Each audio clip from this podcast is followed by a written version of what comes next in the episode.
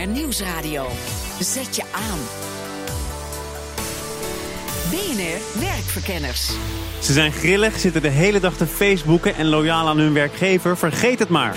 Thomas van Zeil. Toch zit de arbeidsmarkt te springen om generatie I. En daarover gaat het vandaag in BNR Werkverkenners. Eerst naar onze eigen werkverkenners. De elf mensen die we volgen en die een dwarsdoorsnede zijn van de Nederlandse arbeidsmarkt. Werkverkenners Update. Simone Vis werkt met veel bijna afgestudeerde studenten. En heeft ook een aantal jonge mensen in haar eigen team. Ik neem ze aan in mijn team, omdat ik behoefte heb aan een grote mate van zelfstandigheid bij de mensen die ik aanneem. En ik heb behoefte aan, ehm, ik vind het zelf leuk om met een soort van uh, ja, disruptors te werken. Disruptors dus. Maar wat bedoelt ze daarmee? Ik zeg maar zelf mijn eigen manier van werken. En ik ben natuurlijk al uh, zowat 800 jaar oud. En ehm, uh, deze mensen uh, challengen heel erg veel.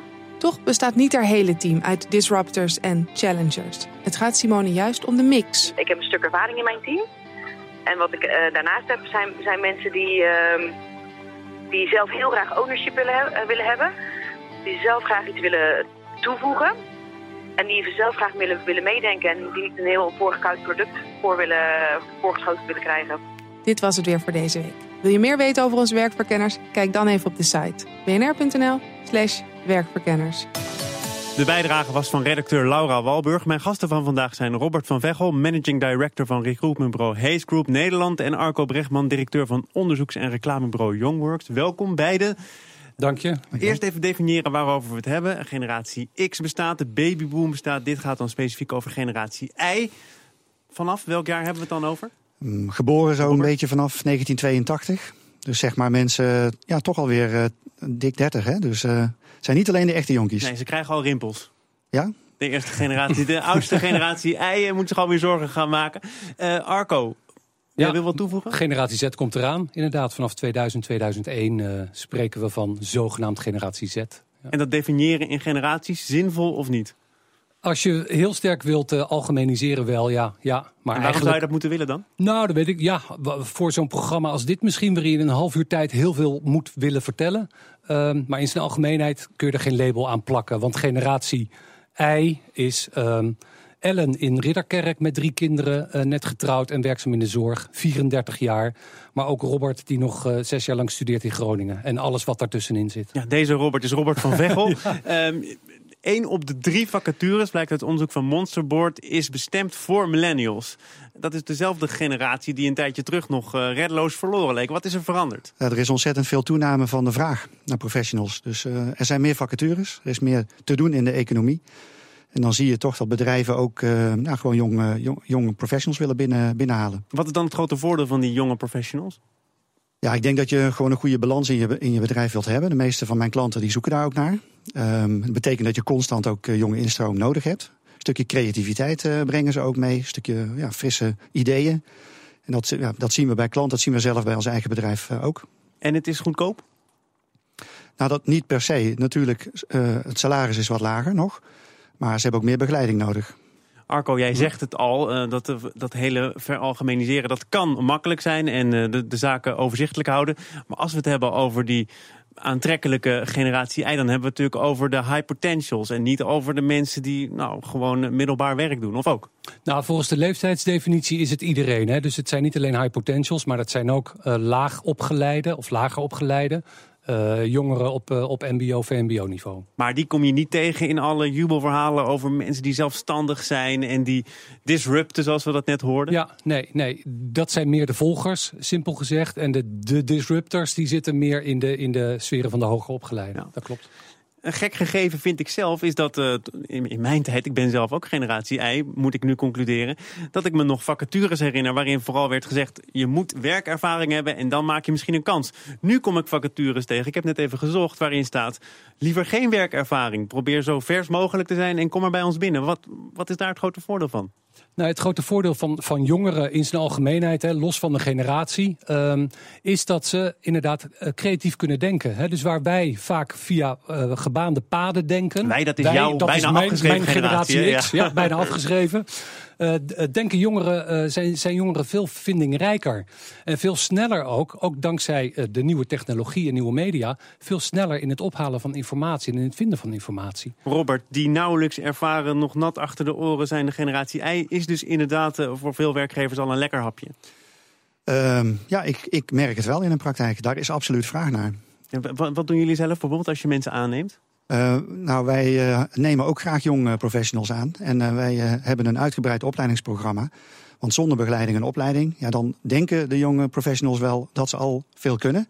Dat is natuurlijk ook een veel gehoorde. Precies, hoezo? een, een traineeship heb ik niet meer nodig. Ik, ik ben er al. Ja, nou, dat, zo is het dus niet. En dat, nou goed, gelukkig zien ze dat zelf ook wel hoor. Maar ik moet wel zeggen, ze hebben absoluut meer zelfvertrouwen dan als ik bijvoorbeeld kijk naar starters die net van school komen, hebben nu echt veel meer zelfvertrouwen dan de starter die tien jaar geleden, vijftien jaar geleden binnenkwam. En hebben ze dat na twee weken nog steeds of valt het ze dan toch bitter tegen? Nou, flair hebben ze zeker. Uh, maar goed, het is goed om, om eens je neus te stoten en ook eens te merken in een training dat er nog veel te leren valt. Maar ik moet wel zeggen, een stukje flair en zelfvertrouwen, dat merk ik, dat, dat is echt kenmerkend hoor. Die, die traineeships, dat is een tijdje lang het hoogst haalbare geweest. Bij een groot bedrijf of bij de overheid. En dan uh, langzaam worden klaargemaakt voor het grote werk. Geldt dat nog steeds als iets waar veel millennials op zitten te wachten? Een deel zal het zeker uh, wel ambiëren. Uh, het is natuurlijk een, een, setting waar je heel snel heel veel kunt leren, ook van ervaren mensen. Daar moet je echt al voor willen openstellen. Als jij eigenwijs uh, gaat lopen doen, dan heb je in een traineeship niet veel te zoeken. Maar dat is juist wat ze aantrekkelijk maakt, hè? dat eigenwijs zijn, hun eigen weg kiezen. En dat is denk ik ook het dilemma van die groep. Mensen die wel een eigen mening hebben. En vinden dat ze ja, ruimte nodig hebben om zichzelf te ontplooien. En een baas meer zien als een coach, een mentor. Meer dan, een, dan iemand die zegt hoe het moet. Maar tegelijkertijd moeten ze nog veel leren. En die twee dingen, dat staat wel op gespannen voet met elkaar. Ja, Arco, ja. zie jij dan uh, ja, conflicten geboren worden tussen die generaties? Uh, ja, die zijn er zeker wel. Als je het hebt over verwachtingen. Uh, en dat is natuurlijk ook, hè, die generatie millennials, I, is heel erg zelfverzekerd. Maar zo zijn ze ook opgevoed natuurlijk in de jaren negentig. Door, door de ouders die heel positief waren en die ook een gelijke relatie met hen nastreefden. Dus de hiërarchie verdween. Um, uh, ze zijn heel erg mondig. Ze praten over alles mee, van kinds af aan al. Hè, vanaf de keuze van de vakantie, de auto. Ja, maar terwijl ze alles nog moeten bewijzen natuurlijk. Ja, hè? ja, ja, dat is ook zo. Maar we hebben ze wel groot gemaakt. En uh, zeker ook in deze tijd, hè, waarin social media ook een podium is... Hè, om jezelf te branden met een mooi woord... Uh, hè, waarin je ook moet shinen... Um, ligt de lat vrij hoog en leggen ze voor zichzelf ook de lat vrij hoog... Met als als risico dat, het, dat die verwachting wel eens mis kan gaan in de, in de eerste jaren of in het eerste jaar van de werkervaring. En hoe moet je dan daarmee omgaan als je net van die generatie daarboven bent? Moet je ze de ruimte geven of moet je zeggen, hé, hey, pas op de plaats?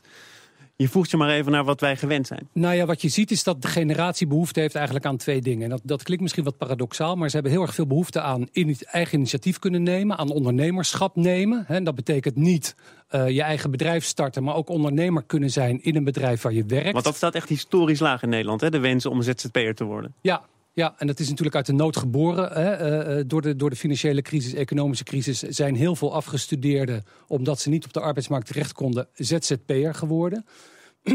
Maar uh, de vaardigheid van ondernemerschap en de ruimte voor ondernemerschap is wel iets wat ze heel sterk ambiëren. En tegelijkertijd hebben ze ook, en dat zeggen ze zelf ook, heel sterk behoefte aan duidelijkheid en aan kaders. Hè. Dus je moet ze aan de ene kant ruimte bieden in hun functioneren, maar tegelijkertijd ook heel duidelijk stellen wat de verwachtingen zijn en wat de doelen zijn.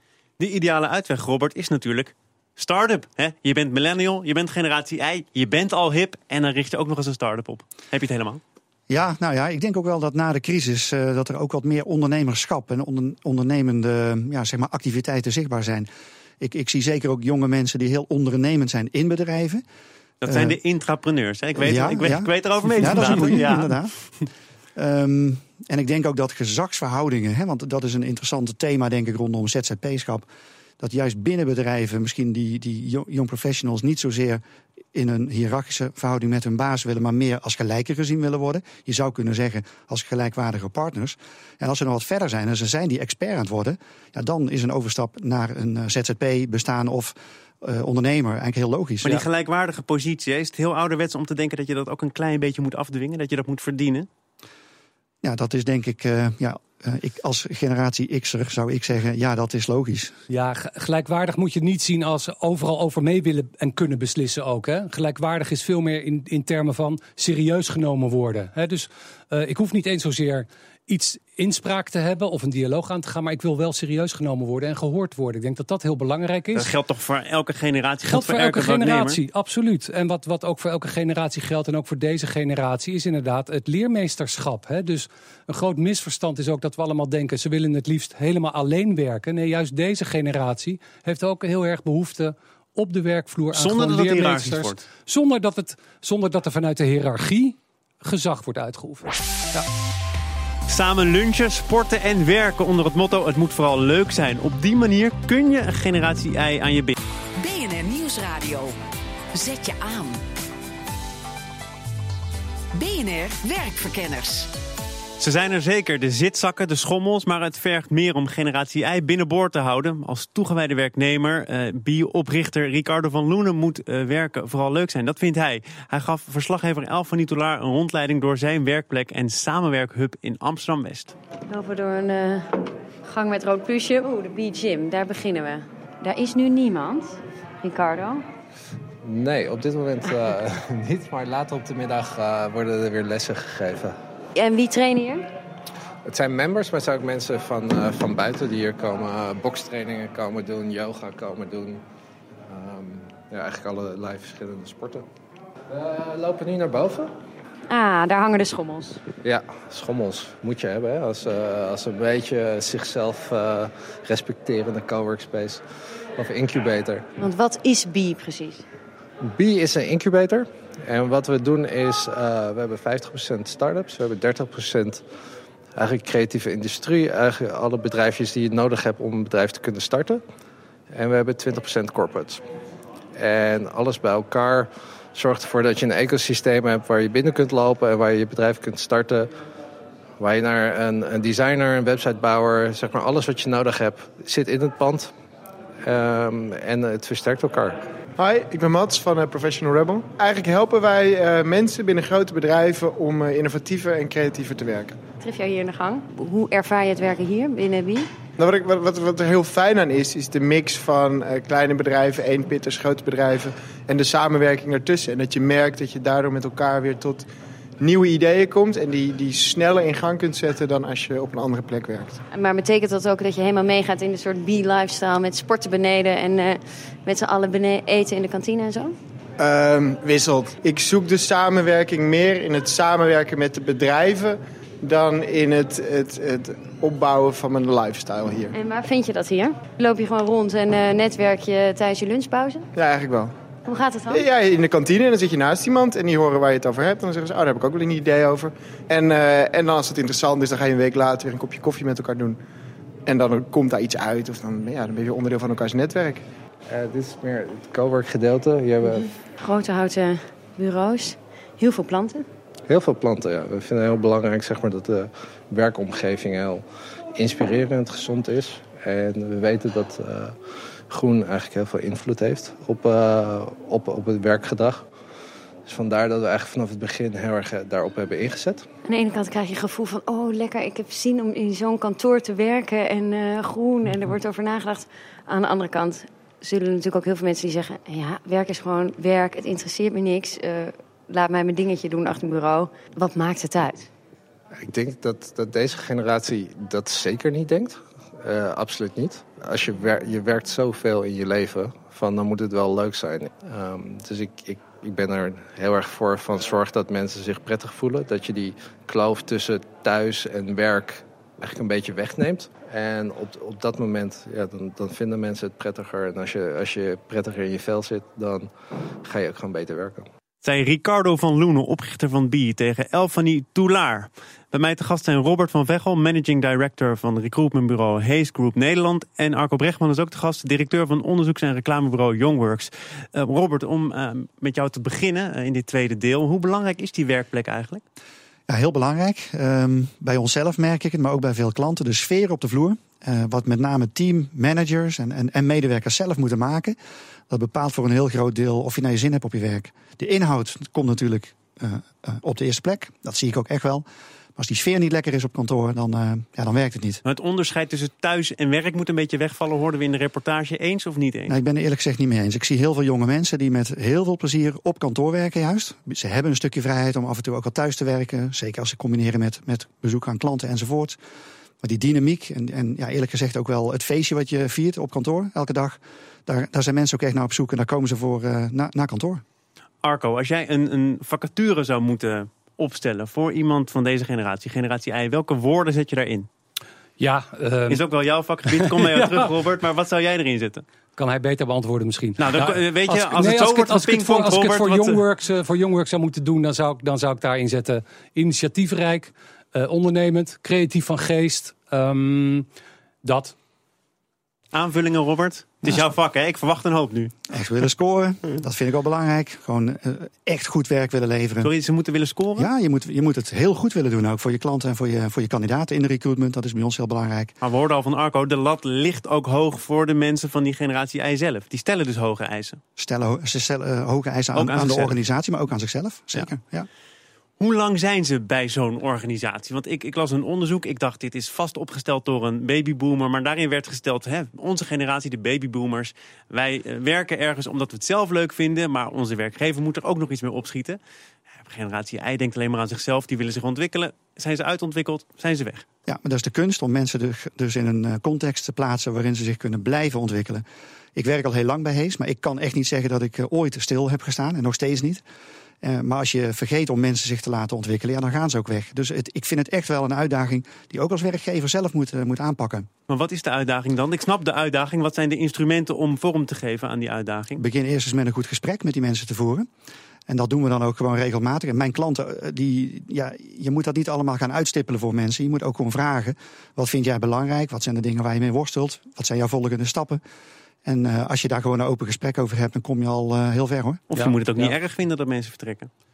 Soms is het ook niet erg, maar als mensen het goed naar de zin hebben en goed performen, nee, dan heb ik ze liever binnen. Ja, ja je, moet, je moet vooral ook heel specifiek kijken, denk ik, naar individuele motieven en drijfveren. Want die verschillen voor iedereen en die zijn voor iedereen verschillend. Ondanks dat je het misschien over eenzelfde functie hebt, kan de een kiezen voor het carrièrepad wat de fun functie biedt. Uh, die zijn wat meer uh, gericht op de status wellicht. En een ander is misschien veel meer geïnteresseerd in echt de verandering of in het vak wat hij daar gaat doen. Nou, als je daar heel gericht naar kijkt en ook afspraken over maakt en ook uh, met elkaar daar een, een leerpad over afspreekt. Uh, heel erg situationeel eigenlijk, heel erg op de, op de kerneigenschappen en talenten van een, van een medewerker. Dan heb je in ieder geval de kans dat hij het heel leuk vindt om bij je te werken. En dan mag je verwachten dat hij zo lang mogelijk blijft. En nogmaals, ik vind zelfontwikkeling alleen maar heel goed. Want uiteindelijk profiteer je daar als werkgever ook weer van. Maar Robert, ik weet niet of jullie cijfers hebben. Zien jullie wel een sneller verloop? Mensen zijn nou eenmaal over de hele breedte misschien wat minder trouw, wat minder loyaal aan één werkgever. Als je heel macro uh, kijkt, dan heb je daar gelijk in. Denk dat mensen ook uh, wat meer afwisseling nodig hebben. Ze zien overal kansen. Kansen die vliegen op je af. Het is, het is ook verleidelijk om af en toe zo'n kans te grijpen buiten uh, het bedrijf waar je nu werkt. Hebben we het dan over de Happy Few? Die uh, moet kiezen welke kans te grijpen? Of geldt dit zo meteen voor heel veel mensen?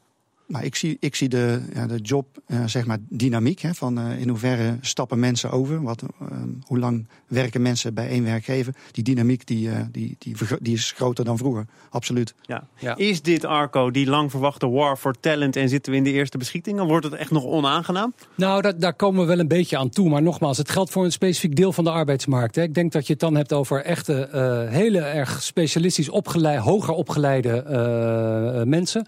En aan aan, aan, de, aan de onderkant van de arbeidsmarkt, noem ik het maar eventjes, de, de echte vakmensen die opgeleid worden op mbo-niveau. Ook daar zien we zeker in de technische beroepen. Daar is behoefte aan. Daar is heel veel behoefte aan en daar, daar ontstaat de schaarste nu echt al op een groot vlak. En die mensen die trigger je juist weer niet uh, uh, op de dingen waarop je dan de, de high potentials triggert. Want die gaan weer gewoon ouderwets voor de baanzekerheid. Um, en hebben, hechten veel meer belang aan materiële zaken. Waar hoger opgeleiden meer, meer, meer gevoel hebben bij uh, het grote geluk Robert, wat verwacht jij, laatste vraag, van die grotere exodus van, van hè, de, grijzing, de vergrijzende bevolking die nu langzamerhand met pensioen gaat? Nou, daar komt heel wat op ons af. Er zijn organisaties waar 40% van de medewerkers boven de 55 is. Dus ik denk dat daar uh, nog grote stappen uh, gezet moeten worden. Voor een deel zal het door automatisering worden opgevangen. En voor een deel zullen daar dus ook uh, jonge uh, professionals in moeten stappen in dat gat. De demografische ontwikkelingen zijn behoorlijk alarmerend. Dus die strijd om het echte toptalent in die generatie I, dat verhardt alleen maar? Die is er al in bepaalde vakgebieden, met name in de techniek en in de IT. Maar dat zal zich de komende 1, 2 jaar zeker gaan verharden en verbreden. Dankjewel. Robert van Veghel, Managing Director van recruitmentbureau Hayes Group Nederland. En Arco Brechtman, directeur van onderzoeks- en reclamebureau Youngworks. En daarmee zijn we bijna aan het einde van deze uitzending. Maar omdat het zomer is en we de best-ofs doen, krijgt u van mij nog een reportage. En wel over generatie I, die zijn neus ophaalt voor een lunch met een broodje kaas en een glas melk. Daarom gaan we naar de kantine van Tom Tom, waar We bijzondere lunches verzorgt. Pao chicken. Kip in zoetzuur saus uh, met rijst. Ik ga een uh, lekkere carrot soep eten vandaag met uh, croutons. En ik heb een zelfgemaakte salade meegenomen. Ik ga een lekker panini mozzarella eten vanmiddag. Ja. Sapje erbij. Ik pak nog een melk en nog een, nog een boterhammetje. Met? Met smeerkaas zeker. Uniek aan het concept is dus dat we werken met lokale ondernemers die met veel passie en toewijding werken aan hun product. En die dat ook met heel veel liefde hier aanbieden voor de medewerkers van TomTom. Oké, dat klinkt prima. Maar um, Robert Klein, general manager van Weekend Team. Als ik hier nu zo tussendoor loop, zie ik niet eens zo heel veel verschil. Want we staan hier voor een koeling. Ik zie gewoon flesjes cola en uh, plakjes kaas en worst. Ja, dat moet... moet ik daar niet op letten? Nou, daar moet je zeker op letten, want uh, wij zijn er voor iedereen. En er zijn ook mensen die uh, graag cola en Fanta drinken. Je ziet ook dat dat op het onderste schapdeel wordt aangeboden. Maar als je een stukje naar rechts loopt, dan zie je een fantastisch aanbod aan van allerlei juices en frisdranken, biologische frisdranken.